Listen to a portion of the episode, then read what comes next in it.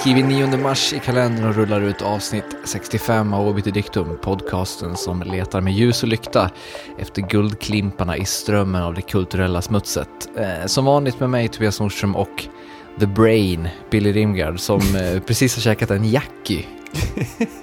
ja, jag satt här med en liten Jackie smörkola, eller vad det heter, mjölkkola. Det ultimata mellanmålet. ja, eh, mellanmål vet jag inte, det är, någon, någon slags dessert kanske. Ja, men den, den funkar i alla lägen. Definitivt. Jag har en liten Staropramen jag sköljer ner mig också. 3,5. Ja. Det, det är ju en, eh, en bra t-shirt. Eh, Jackie och Staropramen byggde denna kropp. Usch. Nu, nu, nu kändes det helt plötsligt inte lika så här. Ja. När ska du... vi börja med merch egentligen? Merch? Mm. Brandad. En, en, en Oddpod t-shirt eller någonting. Ja, det, någon annan kan få designa den och skicka in förslag i så fall. Du, du eh, kallade mig The Brains här i introt. Ja. Uh, är det en flykten från New York-referens? Såklart. Ja, fan vad fint. Brain är ändå bra. Ja. Om du är The Brain så är jag, oh, vad heter han? Uh, The Duke. The Duke, ja. Oh, jag, gillar, jag gillar att du gick till The Duke, och jag tänkte på The Duke också, men jag gillar att du också gick till The Duke, inte till Snake. Jaha, jag trodde att jag hade kunnat gå till Cabby. Ja, nej, det, det hade varit ännu taskigare. Förstår du scenen där Duke sitter och skjuter, um, skjuter öppen portföljen inför publik? Ja, Den är så, så jävla bra. Skjuter prick på presidenten. Ja, fantastisk film för övrigt. John Carpenter, vilken jävla hjälte. Definitivt. Jag är lite orolig. Vi har så, jag, jag, känner att jag vill prata om jättemycket idag. Jag har så mycket grejer så jag kommer glömma bort hälften tror jag.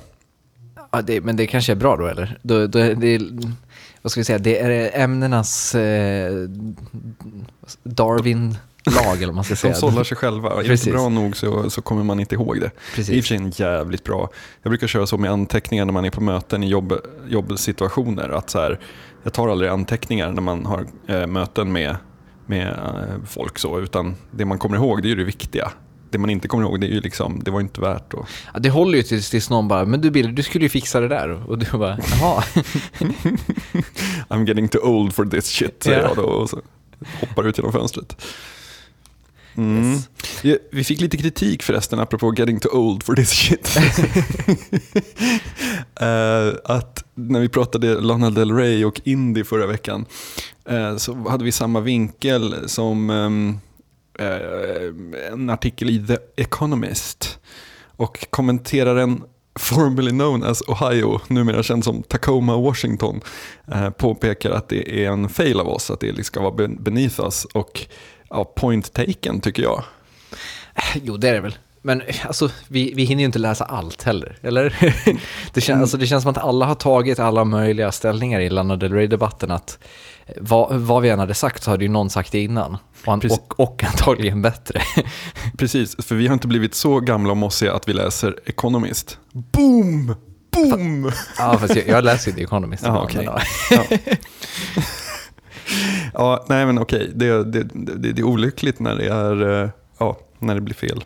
För vi ska ju vara, ska inte Oddpod, vi måste, vår, vi måste ju ändå sträva med vår image att vara lite mer så här spjutspets än så, eller hur? Jo, men kanske. Det, det är nog helt sant faktiskt. En, en trubbig spjutspets som ofta begravs i fel bringa. Ja. Du, eh, såg du om den här äh, kometen som passerar jorden?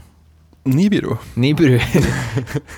jag vet inte om du såg det, men jag skrev, alltså direkt jag läste det, det var på Aftonbladet som de skrev om den här kometen. Direkt jag, jag eh, läste det så skrev jag ett tweet där jag bara skrev Nibiru och sen massa utropstecken. Mycket bra. Eh, vad, men, vad, tror, men, vad tror du är det Nibiru? Eh, det stod att den skulle komma närmare än någon hade anat, eller vad var det? Mm. Rekord nära jorden, stod det. För att grejen är så här, rekordnära jorden, om den går typ ja, strax innanför Mars bana. Ja, så, men den, också, ja, den, den, var 45 minuter, 45 minuter, 45 meter stor. Det är inte så eh, kaxigt alltså. Nej, alltså den brinner, jag vet, jag är inte jättebra på sånt, men den brinner väl upp antar jag i... Ja, jag tror att 45 meter tror jag nog att den klarar sig hyfsat om den skulle gå in, men, men jag tror att det behövs en liten större bit för att det ska bli en eh, så här riktig kyss. Mm. Eh, Eh, som dödar dinosaurier och sånt. Ja, antagligen. Och apropå dinosaurier. Nej, jag skojar bara. Vi får den här segway-hysterin. Sen, det, det var några, för, några, för ett par avsnitt sen så gav du mig lite cred för mina segways. Och nu känner jag att det där har blivit en liten så här sjuka, att man hela tiden letar efter det. Men vi har ju faktiskt en... Eh, Terranova Update. Och jag antar att eh, det här löper stor risk att bli den sista installationen av Terranova Update, eller? ja, det är väl så. Den är fimpad. Ja, alltså den är nedlagd då, vad heter det, av, eh, var det Fox den gick på? Mm, Fox. Ja, ehm, men jag vet inte, jag, lä jag läste senast igår tror jag det var att eh, det nu verkar som att Netflix, eh, alltså den sidan, eh, är lite halvsugen på att ta över serien. Mm. Den har ju ratat otroligt bra för att vara en nedlagd serie. Alltså den Ja. snittar runt 10 miljoner tittare och jag menar det är ju ganska bra. Alltså det är sällan eh, det, det, det snittar så bra ändå och, och blir fimpat så fort. Liksom. Man kan inte, jag, jag, vet inte, jag har en liten teori som handlar om att, eh, om att då Fox, de vet vad som kommer hända lite grann i serien och därför dumpar den nu när den har höga tittarsiffror så att någon kanske vill ta över den. Mm. Mm. Så kan det vara, mycket möjligt. Medan då det kommer längre fram gå åt helvete. Jag googlade fram lite olika eh, texter om det där och det var någon som eh, hintade om någon slags intern fade på Fox om så här, ja, olika personer har tecknat kontrakt med olika serier och sen så har de personerna gått vidare och det är liksom, ja, headbuttas om vem som ska sätta prägel på kanalen, jada, jada. Så jag vet inte om det är någon, någon slags intern politik-grej också. Jo.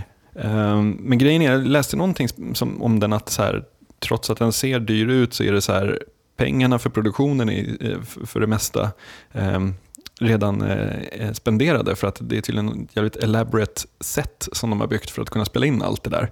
Mm. Eh, och den investeringen är redan gjord så att med, med så mycket um, tittarsiffror som de ändå har och med den investeringen gjord så tyck, var det så här, ja, industry experts som tyckte det var konstigt. Det som jag tyckte var jobbigast med att läsa på varför Terranova lades ner, för det är ju en serie som, ja det var länge sedan jag såg den. Ehm, det var det att jag läste Du, att, men ja, du, du slutade följa den alltså? ja det gjorde jag. Gjorde jag. Det var någonstans där när meteoriten kom och gav en EMP.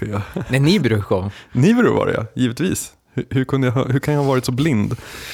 Ehm, nej, jag läste någon som skrev att det här gör, gör, gör eh, här, this makes for a very interesting pilot season. För att med Terranova och sen var det någonting och sen så här, with, also with Alcatraz expected to ja, försvinna. Mm. Ehm, så det betyder att de har tre slottar för drama. Ehm, och då blev jag så här, Alcatraz, really? Men jag vet inte, hur, ser det ut med ratings på, på Alcatraz? Den levererar inte så himla starkt. Nej, jag kunde tänka mig det. Eh, jag vet inte, men om vi säger du såg ju serien längre än, längre än mig. Varför tror du den läggs ner om, om den ändå har ganska bra tittarsiffror? Är det, att, är det att den trampar för mycket vatten eller? Alltså jag fick ju känslan av att den aldrig lyckades bestämma sig för vad den vill vara. Och jag tror det är, ehm, jag tror att det är jävligt viktigt oavsett eh, vad man gör egentligen. Men kanske särskilt när det är en sån här tv-serie som ska jobba med mysterier. Och, eh, det, det, det var liksom, var det en, en, kamp om människans framtid mellan de här olika faktionerna? Var det något mystiskt där? Eller var det tidsreseaspekten? Var det dinos? Alltså, Mm. de var inne och petade jävligt mycket. Och efter ett tag så blev det lite så här... ehm, man blev alltid lite blindsided. Man bara, aha, nu ska de börja veckla upp det här. Och då kom det en meteorit. Eller så liksom, aha, ska de utforska det här nu? Men då, ja, jag vet inte. Ja. Så att den... ehm, Men om vi hänger kvar där vid Fox lite grann. Mm. Eh, för Snygg det, segway. Ja, ett- tack. Vad heter det? För det blev ju klart nu i veckan, eller klart och klart, det rapporterades i alla fall om att eh, Fringe är klar för en femte säsong. halleluja. Eh, ja, det var en lä- lättnadens suck man, man kunde dra, känns det som. Mm. Fast jag vet inte, så här, samtidigt, frågan är var går vi nu? Eh, alltså jag kan känna, alltså den är inne i ett sånt jävla bra skede just nu, serien, att Alltså på ett sätt hade det kanske varit sjukt fett att ha liksom sex stycken avslutande avsnitt nu som bara tar serien i mål och bara levererar så inåt helvete. Mm. Eh, alltså nu, nu, nu, nu löper man ju risken att det blir liksom ganska, vad ska vi säga, att, men det står inte lika mycket på spel liksom. Eh, jag hade helt varit med på att så här, ja, men ta den i mål och så är vi klara och så är det inget mer med det. Eh, problemet var, är väl bara så här, jag läste en eh, intervju med, med eh, Mr JJ Abrams som sa att eh, om, alltså att den är tänkt, alltså story-arken är tänkt att vara i en säsong till. Um, men att det funkar for the fans, uh, så funkar the ending uh, som kommer i slutet av den här. Och jag vill inte ha en jävla ending som funkar for the fans. Liksom. Jag vill ha en ending som faktiskt slutar där de, uh, ja, dit de tänkte ta det. Med att alla träffas i in the afterlife i någon så här kyrka där alla religioner finns, eller? Ja, varför inte? Det, det har ju funkat förr, sa han surt. Nej, men man vill, ju att, man vill ju att Peter och Olivia ska få slå sig ner och komma till rätta i sina små liv och bara så här, ja, man vill ju det. Men kan vi då förutsätta att, att nästa säsong blir den absolut sista? Det, det, det tror jag absolut. Definitivt. För det, alltså det, sa, det sa de ju att arken slutar, att det liksom är Oh, risk, men då är ju risken så här snarare, om tittarsiffrorna går upp utav helvete sen i höst då, då beställer Fox en ny säsong och då... Det blir som Millenniums tredje säsong som var så himla konstig. Ja, eller vadå, de sista fem säsongerna av X-Files ja. typ. Åh, oh, herregud. Varför gör folk sånt där? Vet, ja, ja det, det är en sak, pengar. Um, det, dål, när vi pratar dålig film, då måste jag få prata om en film jag såg här för, i, förra, i helgen. Den hette Arctic Blast. En uh, australisk undergångsrulle kan man kanske kalla det för. Eh, alltså, ärligt talat, ja, det kan vara den sämsta film jag har sett. alla, alla kategorier. Alltså vad var det som var så dåligt med den? Den har 3,7 på IMDB. Mm, mm, alltså grejen är så här, vi har ju pratat om att så här, dålig film kan vara bra, att man kan se liksom guldkornen i det och så här, uppskatta det på någon nivå. Det här var bara så, jag såg den till slut, jag fattar inte vad som hände där. Liksom. Normalt sett stänger man ju av, men den här var så pass dålig att, att jag var tvungen att fortsätta kolla. Eh, jag, den var så dålig att jag tog med ett litet, ett liten, liten dialogsnutt här. Eh, jag tänkte vi ska lyssna på den, jag vill bara uh, let me set it up. Um, de, det handlar om eh, väderklimat, klimat och väderforskare som um, de har ett fartyg, ett forskningsfartyg som ligger och draggar data utanför Australiens södra kust. Och um, ja, vad var det, det var 15, 15 pers ombord tror jag. Och i introscenen då så får vi eh, följa en snubbe som heter Jack som är på land och har kommun, eh, kommunikation med det där fartyget. Och de håller på och babblar och de skämtar. Och när vi kommer hem då ska vi göra det här. Och de, ja, man fattar liksom att ja, de är nära geek-kompisar inom den här klimatforskningen. Eh, dagen därpå väcks Jack av nyheten att så här, det här fartyget har bara stävat rakt upp på, på grund. Och vi har fått se vad som har hänt, nämligen att någon så här, ett hål i ozonlagret har släppt ner någon så här superkall eh, kallt lager av atmosfären som har så instant freeze. Eh, vilket har gjort att alla på det här skeppet bara typ frös ihjäl på en sekund. Eh, och det här har bildat en så isstorm. Eh, för, för det här hålet, så länge hålet i ozonlagret finns kvar så fortsätter den matas ovanför med så här iskall luft. Eh, hur som helst, Jack kommer till det här fartyget som har stävat på grund. Han kräver att få gå ombord, gör det, ser alla dessa döda kollegor och liksom hur, hur trasigt allting är och ringer då sin chef. Och det här är samtalet.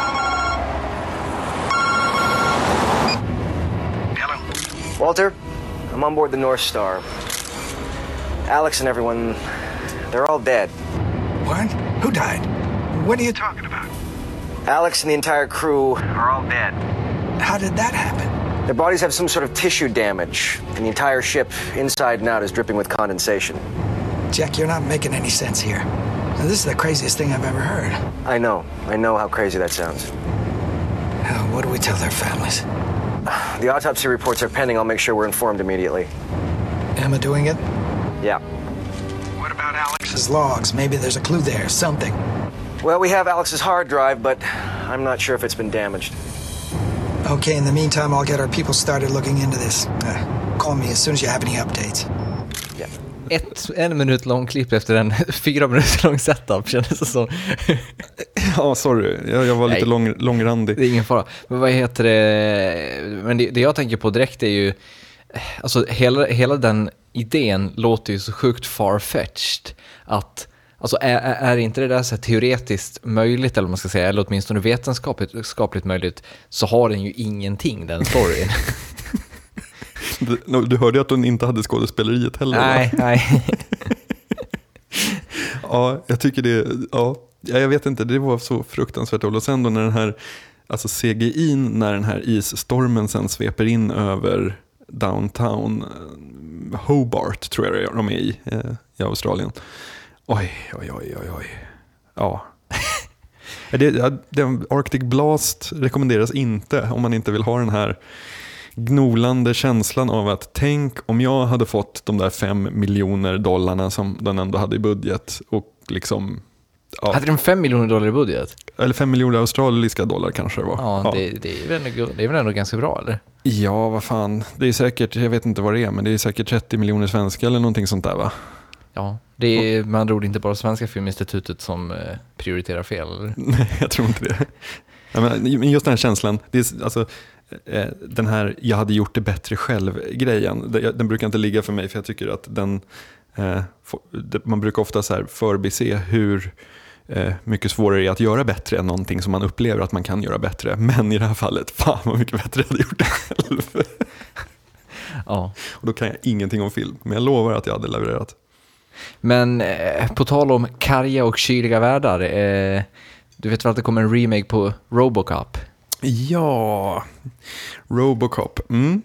Vi har inte pratat om Robocop så mycket, vad tycker vi om Robocop egentligen? Jag älskar det. Eh, eller älskade det. Alltså jag, när såg man den senast? 95 kanske? Nej, jag, jag såg den förra året, men... Oj då. Mm. Nej, det, Eh. det var länge sedan jag såg den. Eh, det, man, det jag tar med mig mest är ju givetvis Ed 209. Det kommer inte jag inte ihåg vad det var, fast jag såg den förra året. Jaha, den extremt fina mördarroboten på Ja, två, just det. med bara Mm. två fötter och två kulsprutor. Ja. Som inte kan gå i trappor. Design flow. Ja, Men den roliga nyheten är, är ju här då att eh, Joel Kinnaman är klar för eh, rollen som Robocop. mm. Eh, hur känns det? Ja, hur känns det? Eh, alltså, jag fattar ju på ett sätt, för det är ju inte så att Robocop har jättemycket repliker i originalet. Dead or alive, you're coming with me. Jo, men det, jag vet inte, hur lång, jag kommer inte ihåg riktigt exakt hur lång tid det tar när Peter Weller blir sönderskjuten, men det är väl ändå 20 minuter och då har han ju massa repliker. Sant, men det blir en reboot så långt ifrån. Alltså, ja, det, jo. ja. Eh, Ja, Men jag, men jag tänker även så här, alltså originalet, allt det som, som är så bra med den, det är ju liksom den här eh, konstiga, jättekonstiga Paul Verhoeven-världen liksom, med, med massa så här konstig samhällssatir och eh, den här bizarra humorn. Kan man, göra, alltså kan man göra en sån actionfilm idag tror du, som, som har samma, eh, samma off-stämning? Alltså tror du att de tar hänsyn till den off-stämningen när de gör, gör remaken? Ja, ja, nej, det kommer man antagligen inte göra. Men försvinner inte liksom poängen lite grann med Robocop då, eller? Det som jag tycker kan vara intressant det är ju att vi ser ju en helt annan sorts polisstatssamhälle. Eh, både i USA och övriga delar av världen idag. Där liksom polisen är så gott som paramilitär. Och liksom, ja men du såg ju under Occupy Wall Street liksom. Mm. Eh, och sen hela liksom den Homeland, eh, eh, vad heter det? Homeland Security. Ehm, alltså, det har, ju, det har ju skruvats upp ett par, par eh, samhället har skruvats upp ett par snäpp på fascist, fascistometern sen, sen Robocop gjordes. Eh, så att jag, jag kan tänka mig att det ändå kan, om de vågar spinna åt det hållet, att det blir liksom en sån här eh, eh, Ja, Mycket, to- mycket tårgas i ansiktet på folk som sitter ner. mycket järnnävar i nacken. Um, nej men alltså, den diskuterade ju sånt lite grann, eh, även originalet. Så här, är det här moraliskt rätt? Liksom, Mm. Att ha en, en, en cyborg-robot. Um, men jag kan tänka att, men att man kan ta den spinnen ännu längre. Alltså så här, alltså, folk är hungriga och behöver mat. Eh, är det då rätt att skicka eh, Robo på dem. Mm, jo. Den största moral, eh, morallektionen från Robocop var väl när han fått frågan av tv-journalisten Do you have any message for the kids? Och han svarar Stay out of trouble. mycket, mycket bra. Men det kommer ju även en, en remake på, eh, eller ja, jag vet inte om man kan säga remake, en ny film, en ny Judge Dredd-film är också på gång. Eh, alltså för, den förra Judge Dredd-filmen med Sylvester Stallone, den är ju pissdålig. Tycker du? ja, det tycker jag. Den är ju jättebra. Nej, det är den absolut inte. Alltså jag gillar ju, jag gillar ju serien ganska mycket. Mm. Eh, och filmen och serien är ju ganska olika varandra. I am the law. Ja. I am the law. och, sen, och sen också hela, liksom, vad heter det, hans sätt att prata är ju liksom, ja, nej jag vet inte. Eh, ja. Det läckte i alla fall, han som spelar Judge Dredd, nu minns jag inte vad han heter, det var han som spelade, eh, åh, nu har jag glömt vad den karaktären heter också. Rys, ryssen i, i the original Star Trek. Chekhov. Chekhov, han som spelade Chekhov i den senaste Star Trek-filmen, det är han som spelar Judge Dredd. Eh, för, Okej. ja, det är han, eh, han Simon Pegg, de håller på att spela in den nya Star Trek-filmen nu och Simon Pegg la upp ett klipp på sin Twitter när man fick höra hans röst. Mm. Eh, hur han kommer att prata som Judge Dredd och det, det lät ganska bra. Jag, jag, jag tror lite grann på den här Judge Dredd-filmatiseringen. Ehm, eh, ja. Jag känner här att jag måste kanske se om originalet nu när jag har sjungit dess lov. det tycker jag definitivt vi ska göra. Men var den så himla dålig? Det kanske den var. Alltså sen Ma- Max von Sydow är ju jättepajig som den här eh, liksom, eh, storebror-karaktären. Liksom. Jag känner att det finns ett litet glapp mellan så här, den tiden när man, liksom, man tog det som gavs en och bara så här, ah, Judge Dredd, åh vad cool film. Så här. Och så gillade man det därför att det fanns ingenting annat att titta på. Liksom. Eh, Ja. Det finns ett glapp mellan det och så vad som faktiskt är bra idag känner jag. Ja, men alltså, grejen- alltså inledningen är ganska bra på Judge Dredd, och- alltså när man presenterar hela den här världen. Eh, det, det funkar ganska bra, men sen då när man ska etablera en historia så går det ganska snabbt utför. Och sen då hela den här grejen med den här Rob Schneiders karaktär som ska vara den här comic reliefen filmen igenom. Liksom. Just det, ja. Ja, Ja, vi får se. Jag, jag, hoppas på, jag hoppas på den nya. Den, den heter bara Dread. Och eh, jag tror till och med att den ska komma lite senare i år faktiskt. Mhm. Det är en späckad film. Varje år ett späckat film. ja. Hej Jens Pettersson. Vilken diss jag kommer av med här. Yes. Ja, jag måste berätta, jag hade en fantastisk eh, dröm här om natten. ehm, där vi, la ett, vi spelade in ett uh, Oddpod-avsnitt där vi pratade om Star Wars-karaktärer. Tog det här eh, det postklassiska som vi pratade om tidigare. Vi tog det en vända till. Och sen pratade vi om katastroffilmer. Det sista var ju faktiskt ett ämne som ett bra ämne. Eh, och grejen är så här, vad som hände var att jag satt på, på, ehm, på jobbet på P3 och såg att så här, mellan 23 och 00 så hade ingen lagt upp den filen för det programmet som skulle vara, så jag la in vårt program. Ehm, så fick jag massa skit så här för att det inte var tillräckligt mycket musik i timmen. och att den musiken som var passade bättre för P2, för vi pratar ju postklassiskt. Ehm, och det var väldigt bisarrt eftersom så här, det kanske inte är den enda skiten man skulle få om man gjorde, gjorde något liknande.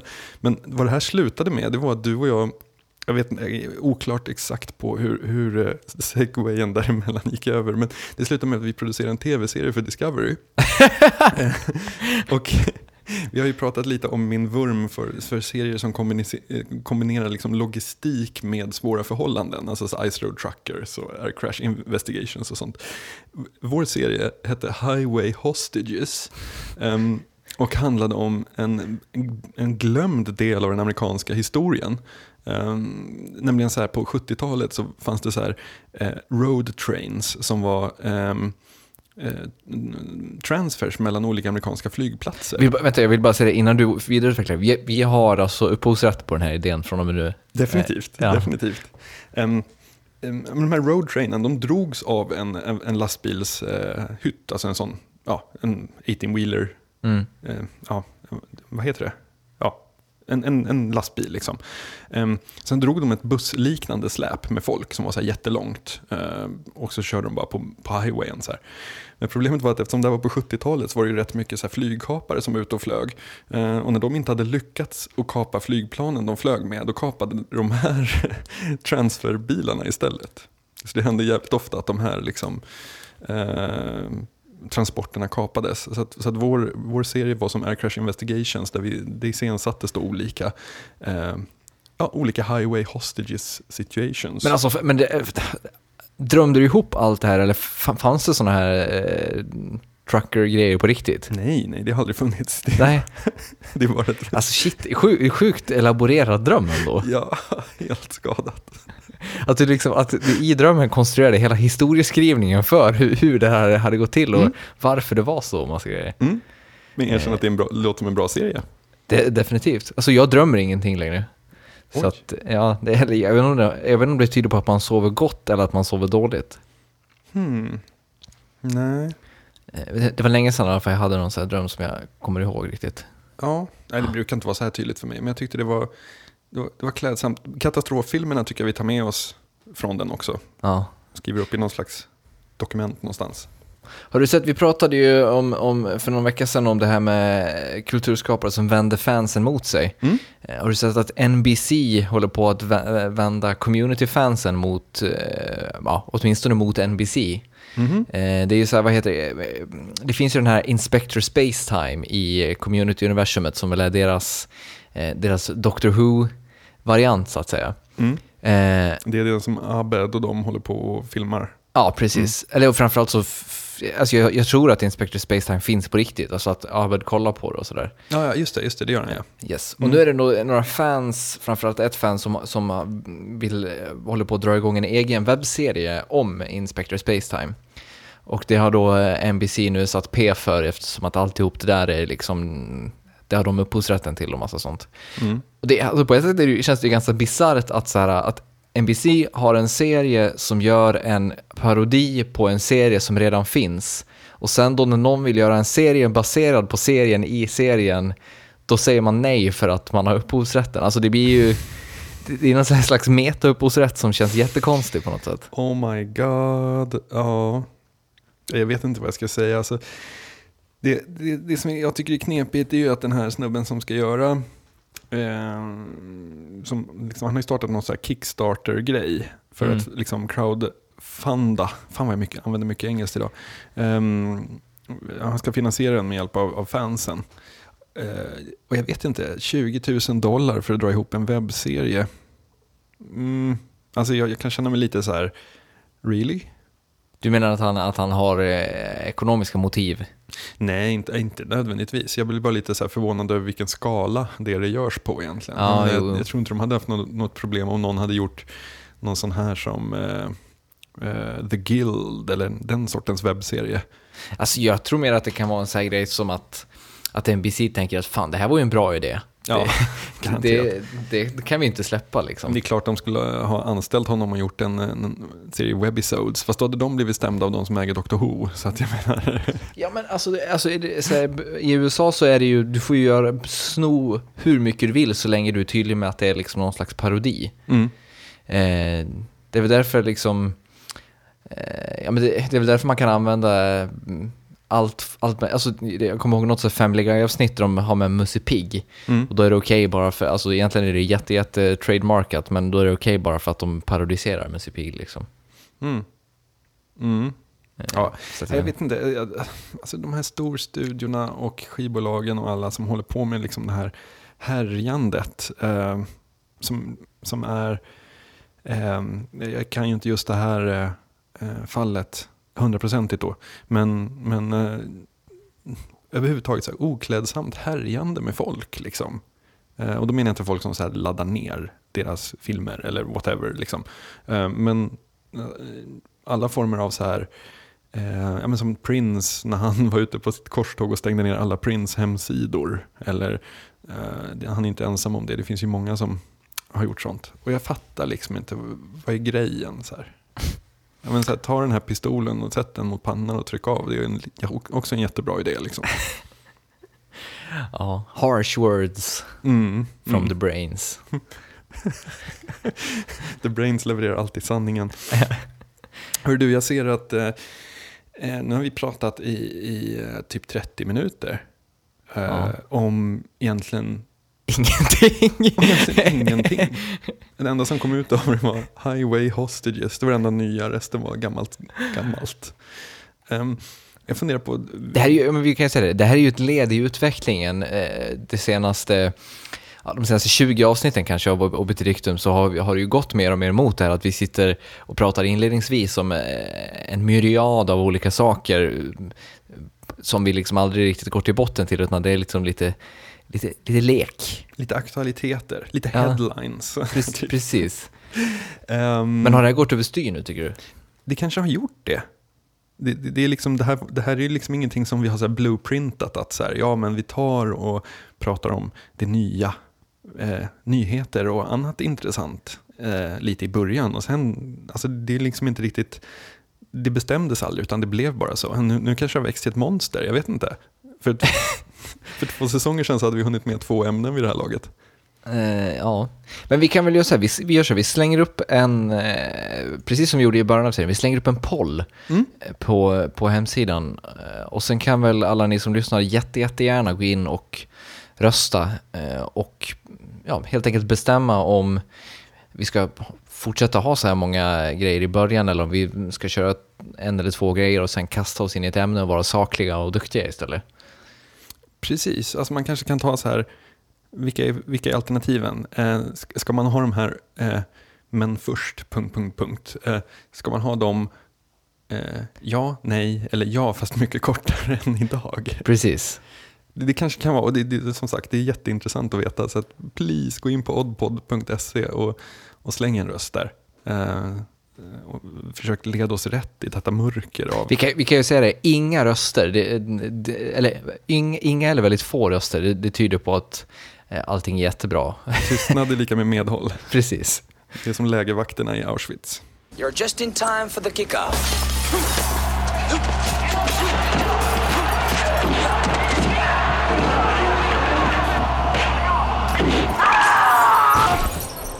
Och det är nu andra gången vi hör eh, den där fina lilla signaturen och med det så är det givetvis även dags för del två av Van Damme-cirkeln.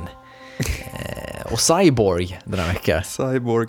Alltså grejen är, efter, efter um, Bloodsport som vi, som vi tittade på till förra Van Damme-cirkeln, ehm, så var jag ändå så här pepp. Jag tyckte den var riktigt bra. Jag tyckte det var liksom, fan det här är, det här var kvaliteten då. Jag gillade den. Ska du, ska du bli elitisten Billy Rimgard nu? Jag kan väl känna att det var lite mer tillbakagång till det här Tremors 3-viben som B-filmcirkeln gav oss än jag hade önskat kanske. Jag hade nog velat att den skulle varit bättre. Eh, men vi, om, vi, om vi, vi kanske ska börja från någon slags början. Ehm, och alltså jag såg filmen som då handlar om ehm, vad är han? Han är någon slags vägvisare. Han heter i alla fall Gibson Rickenbacker. Ah, Han är väl en slinger? Slinger, precis. Gibson Rickenbacker döpt efter två olika gitarr, gitarrmärken. Jag vet Ja. inte varför. Ehm, det är mycket som är oklart, men den saken är verkligen oklar. Eh, och han, eh, han ska leda, eh, han ska gå genom ett wasteland och hjälpa en person till, eh, ja, genom där. Mer, mer än så behöver man väl egentligen inte förklara. Man kan väl säga, han, han gör ju det två gånger i filmen kan man säga. Mm. För du, du har ju dels då någon slags origin story som löper filmen igenom, eh, som handlar då om när han gjorde det här första gången och blev förälskad i kvinnan han ledde igenom och, henne, och eh, i princip eh, han bildar lite familj med eh, hon och hennes två barn. Just det. Eh, men det gick ju åt helvete. Eh, nu kommer jag inte vad han he- heter, han den här... Den, Fender, va? Fender, the, the villain. Eh, han och hans crew kom ju in då och eh, dödade eh, allihopa, tror man till en början då. Eh, och nu då så är, är liksom Gibson Rickenbacker tillbaka som en ensam gunslinger och ska nu istället hjälpa eh, Först han ska, han ska hjälpa den här cyborgen först. Mm. Att Syborg med, ja jag vet inte. Ska, ska, vi, börja, ska vi börja där kanske? Ja, ja okej. Alltså, Olof Stenlund skrev så här på, på vår blogg. Snacka om genrens mest värdelösa syborg. En vandrande hårddisk. Utropstecken, frågetecken. Ehm, och det, det är verkligen det här, eh, han- tillägger också, jag satt och hoppades på att Van Damme skulle bli syborgifierad efter, efter korsfästelsen. Det var en otroligt bra kors, korsfästningsscen. Ja, faktiskt. Ehm, det hade räddat hela rullen, skriver Olof. Och ja, alltså Cy- Cyborg, när man döper en rulle till Cyborg så kanske det ska vara någonting mer än bara så här, ja, en, en minnesbank. Alltså te- tekniskt sett, är det där ens en cyborg? Nej, Alltså det, är ju, en- det, är ju en, det känns ju som en... Alltså med den logiken så är ju typ T-1000 också en cyborg. ja, verkligen. ja, Ja, det, jag vet inte, det, det var väl kanske inte det bästa med den, men... Eh, alltså, Men jag vill, får, jag, får jag bara säga en sak Yes. först? Jag läste en del kommentarer på vår Facebook och på vår sajt innan jag hade sett den. Och jag såg den här för jätte, jätte, jättelänge sedan när jag var liksom utan någon förmåga att bedöma. Ungefär samtidigt som jag såg Judge Dredd kanske. Ehm, så, så jag kommer inte ihåg den som så himla hemsk som våra eh, liksom, kommentatorer gjorde gällande. Ehm, men när jag började titta på den så jag måste ändå ge liksom Albert Pion eh, som har regisserat den som är så klassisk B-films, eh, inte ens B-film, dålig actionregissör. Ehm, jag vill ändå ge en sak som jag är positiv till, det är att det är en så här sällsynt brutal eh, miljö i den här, i den här postapokalypsen. mm. Det här piratgänget med Fender i spetsen, de, liksom, de slaktar och bränner och våldtar och mördar. Det liksom finns ingen som helst nåd. Ehm, och det, det är verkligen så här, man känner hela tiden att allas liv hänger på en väldigt, väldigt skör tråd. Ehm, och det är sällan man ser postapokalypsen porträtse- liksom, Eh, verkligen visas så brutal. Det, det, det, det finns alltid underförstått att säga, ja, men det är rough ute i the wastelands. Eh, men här är det ju verkligen, ja, det är hårt. Ja, ja det, det är väl det som kanske funkar bäst. Alltså jag, jag, tycker, jag tycker liksom hela den världen och stämningen i filmen är, är ganska bra ändå. Alltså jag får, jag får så här känslan av att det här är... Ja men det är liksom så, lite som om man spelar ett Nintendo 8-bits-spel idag. Alltså visst, grafiken är ganska kast, eh, det är liksom så här... eh, Det, det, det, är liksom, det är inte alls samma standard som man är van med, men det finns en känsla där som liksom ändå är tidlös på något sätt. Mm, en bra, bra eh, jämförelse. Ja, ehm, men alltså, för jag tror att den här filmen, den är liksom så bra som den skulle kunna bli. Eh, om den här hade haft, om den här hade haft liksom 50 miljoner dollar till i budget, den hade bara blivit sämre av det liksom. Mm. Jo, det, Eh, det, det, alltså det enda som kanske hade blivit bättre det är väl möjligtvis eh, Gibson Rickenbackers peruk i de här tillbakablickarna blickarna som, som ser helt, helt jävla barock ut. alltså hälften av, Det, det är en golvmopp liksom. ja, och hälften av filmen är de här tillbakablickarna.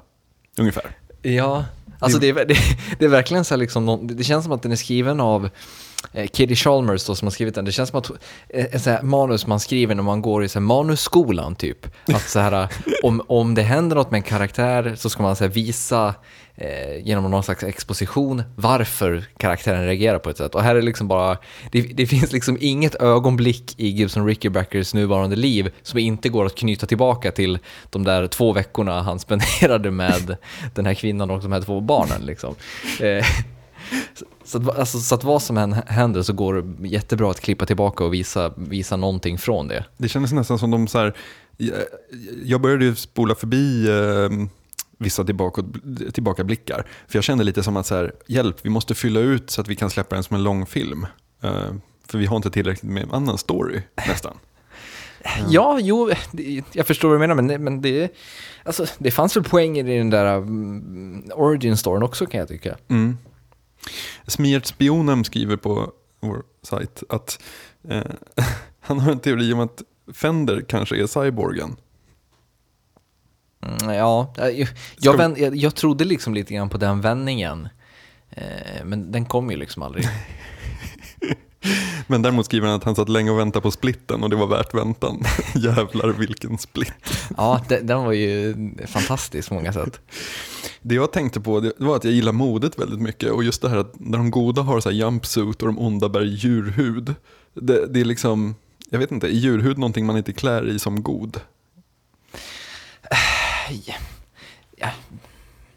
Jo men ja, jag vet inte. Jag, jag tycker nog snarare de här ringbrynjorna som, de- som de kör med de onda.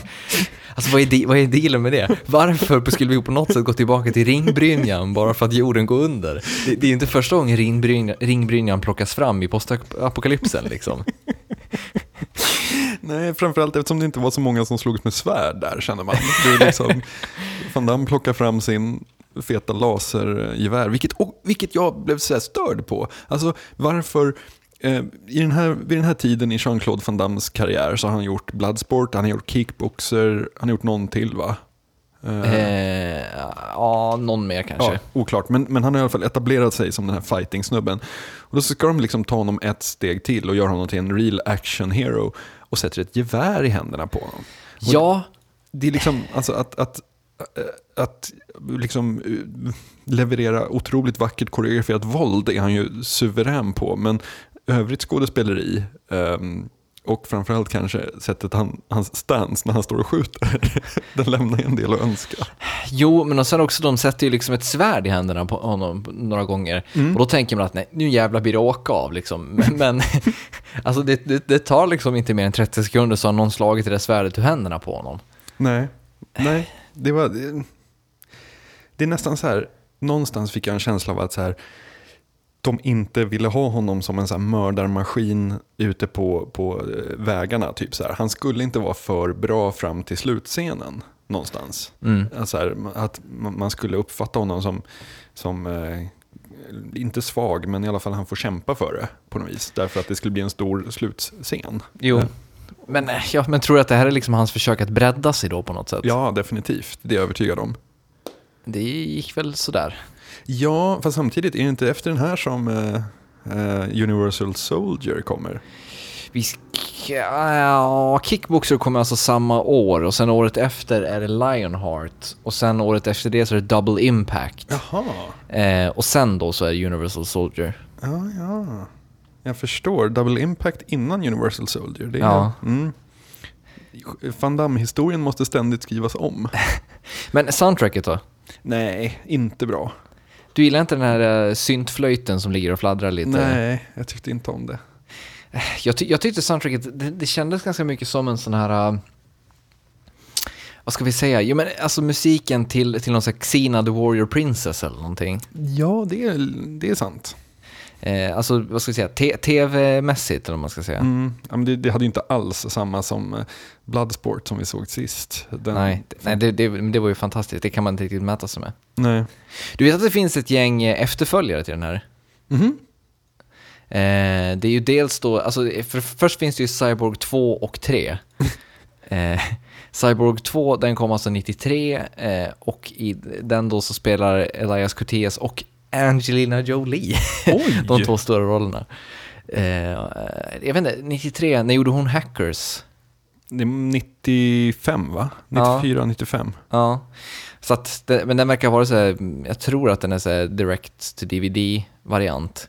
Mm. Eh, och sen då så, eh, vi ska se här vilket år det var Cyborg 3 kom. Cyborg 3 kom alltså 95, två år senare. Och i den har Ma- Michael McDowell huvudrollen från, eh, från eh, A Clockwork Orange. Jaha. Så, så det är så här, är, jag vet inte varför, men det känns som en så liten språngbräda. Men jag var inne på Albert Pion, han som har gjort, eh, eh, gjort den. Som elegansen påpekar, vad kan man förvänta sig av en regissör som gjort en film som heter Brain Smasher, A Love Story. Um, kliniskt dålig eh, actionregissör. Han håller alltså på med en film nu som heter Cyborg, Rise of the Slingers. Ja, jag såg det också. Men som där Kevin Sorbo spelar huvudrollen. Mr Andromeda himself. Ja, vad- ja, och Mr Hercules. Ja, eller hur? Alltså han spelar Hercules. Det är ju därifrån soundtracket kommer. Cir cirkeln slut. Cirkeln sluts, givetvis. Det är Hercules-soundtracket de använt i Cyborg. det, var där, det var där den hittades. Ja. Ehm, Det, det är också roligt att det, det vad heter det, eh, bolaget som, som finansierade den här filmen, eh, bara därför så kommer jag inte ihåg vad de, eh, vad de hette, de gick ju i konkurs efter den här. Ca- Canon Films hette de. De gick, i, de gick i konkurs 87 och då var den här filmen kom då ut 89 så då hade de redan konkat liksom. Det känns så, och ändå, ändå så läste jag också om att alltså, mycket av de setsen och det var liksom stulna, stulna från eh, He-Man-filmen Masters of the Universe så att det är så här, it's a never-ending circle of shit liksom. Det var faktiskt, ja. Men vad, vad, vad kommer vi fram till om vi ska så här, nu har vi inget test riktigt eh, och vi har inte heller satt någon, någon poäng, men var det liksom, var det slöseri med tid det här? Skulle vi ha? Alltså jag tycker ändå inte det. Alltså, Nej. jag tycker, för det första tycker jag att Van Damme, eh, om vi ser det här som Van Dammes för, försök till att visa sin bredd, så tycker jag ändå han sköter sig exemplariskt. Eh, Du får utveckla här. Ja, alltså, men han visar upp sig bara överkropp. Han, eh, han spöar ganska hårt den här snubben på slutet, eh, bossen alltså. Ehm, och han visar liksom att han, eh, att han inte bara är eh, liksom sparkar i ansiktet, utan han kan även vara en, en mjuk kille som blir kär i en, en kvinna i en eh, värld som har gått under liksom. Du tyckte att hans karaktärsskådespeleri var trovärdigt? Nej, men alltså, man, kan inte, man, kan, man kan inte bedöma Van Dammes skådespeleri utifrån de vanliga kriterierna. Så att man, Van Damme kan bara ställas i relation till Van Damme, så att säga. Ja, jo men det, det, det, det är jag helt benägen att hålla med om. Det är lite som, som eh, eh, Keanu Reeves-testet. Precis. Eh, nu minns jag inte exakt hur det är. Jo, man kan aldrig spontandissa en film på... Nej, en film får aldrig bedömas, eh, en films kvaliteter får aldrig bedömas utifrån hur, hur dålig Keanu Reeves är i sin roll, så att säga, Precis, för då skulle vi aldrig kunna prata om The Matrix. till exempel. Mm. Men vad tyckte du då? Jo, men jag tyckte det var väl en... Jag tyckte tempot stundtals var konstigt. Det jag noterade, och jag tänkte på det med flera av B-filmerna vi såg förra säsongen och båda Van Damme-rullarna nu, det är att filmerna inte har, på den här tiden, eh, vi pratar väl slut av, nästan alla filmer vi har sett hittills har väl varit där någonstans från åt, mellan 85 och 95 på en höft va? Ja, du menar Van? Nej, ja, Ja, B- menar du all, allt B-filmerna också. Ja, jo men kanske. Det är väl, kan- Boy and his Dog är väl kanske lite tidigare. Men... Ja, precis. Men, men ja, på en höft. Eh, Det jag noterat av att ingen av dem har någon direkt början. Utan helt plötsligt så är vi bara mitt inne i det. Eh, Cyborg börjar ju med den här fantastiska voice-overn från Fender. Ja. Eh, Och dels den och sen den här bilden över, vad är det, San Francisco eller vad det är? Där man ser liksom allt har gått åt helvete. Men, sen är, men sen efter det är man ju rakt i storyn. Alltså ja, så här. Och det bara fortsätter därifrån. Eh, och det, det har ju vi sett på flera, vid flera tillfällen. Det var ju som i Bloodsport när de gör det här inbrottet eh, och bara “you must earn sword” och så bara, sen är han igång och tränar. Ehm, och jag tycker tempot, jag har lite svårt att anpassa mig till det tempot eh, som är egentligen ganska lågt men också så här följer inte alls det här eh, mm, Idag är man van vid att det kommer något fett först. Ja, jo, du menar en opening shot? Alltså, eh, jo, men det är väl så James Bond-receptet känns det som. Ja, absolut. James Bond gjorde ju det väldigt mycket. Och sen det är kanske det som har gått i arv. Eh, Jag, jag, vi- jag inte, så filmhistoriskt bevandrad är jag inte att jag vet varifrån det kommer, men det känns som en typisk sån Bond, eh, Bond-öppning. Eh, men jag tyckte även alltså, själva slutrepliken var väldigt charmig. jag vet inte om du minns den? nej. Hon står ju där, hon har ju blivit lämnad då vid det här forskningscentret i Atlanta. Eh, och så vänder hon sig om och så säger hon bara I don't know, maybe he is the cure for this world. Och titt- tittar när Van Damme försvinner bort. Det är ju, det är jättebra. Ja, och att han inte så här, han hänger inte runt för att se hur det går, utan han Nej, bara nej, nej. ut i wastelandet igen. Liksom. Precis. Ja, det kanske är det. Det kanske är Van Damme som liksom, det är, han, det är han som saknas i alla lägen. Men menar, du gillar ju Hardware. Mm. Eh, den, den klassiska sci-fi-rullen. Den, jag, jag får lite samma vibbar av de två. Den här och Hardware. Eh, visst, det finns en del så sexuella övertoner i Hardware som inte finns här, men det, det, det är just det så här, lite så här, ja men det- i slutet av 80-talet, man hade en förmåga att göra postapokalypsen väldigt gul på något sätt. Det är sant, väldigt gul. Ja. Eh, Och mycket så här, men de karga miljöerna är liksom inte den, den, här, stå, den här grå och jobbiga som, som man ser i till exempel Flykter från New York, utan det är, det är mycket mer öppna landskap eller vad man ska säga. Och det är så här, ehm, de gör ju, eh, det, det, när jag sa inledningsvis att jag ändå gav det till dem att det var så här, en bra miljö. Ehm, jag tycker att de lyckas på ett väldigt bra sätt att övertyga en om att den här väg, liksom, övervuxna lilla grusvägen de går på, det är inte bara en bakväg bakom någon så här gård någonstans i mitten av Amerika, utan det är en övergiven värld. Och så här, Alltså de är väldigt bra på att ehm, eh, ta bara en miljö där det är väldigt lite folk. Jag tänker på det här övergivna eh, fabrikslokalen eh, lokalen där det är en stand-off ungefär mitten, i mitten av filmen. Eh, där de liksom svingar sig ner från, från taken, eh, eller från ja, övervåningen. typ. Um, och det är så här, Man fattar att ja, men det är väl någon, någon gammal såg eller någonting som står, står där som de har använt. Um, och jag tycker att det, det, man köper det rakt av. Det behöver inte vara så här fancy murar, eh, radioaktiva skyltar som hänger på sned. Alltså man, man behöver liksom inte bygga upp den miljön egentligen utan eh, ja. Mm.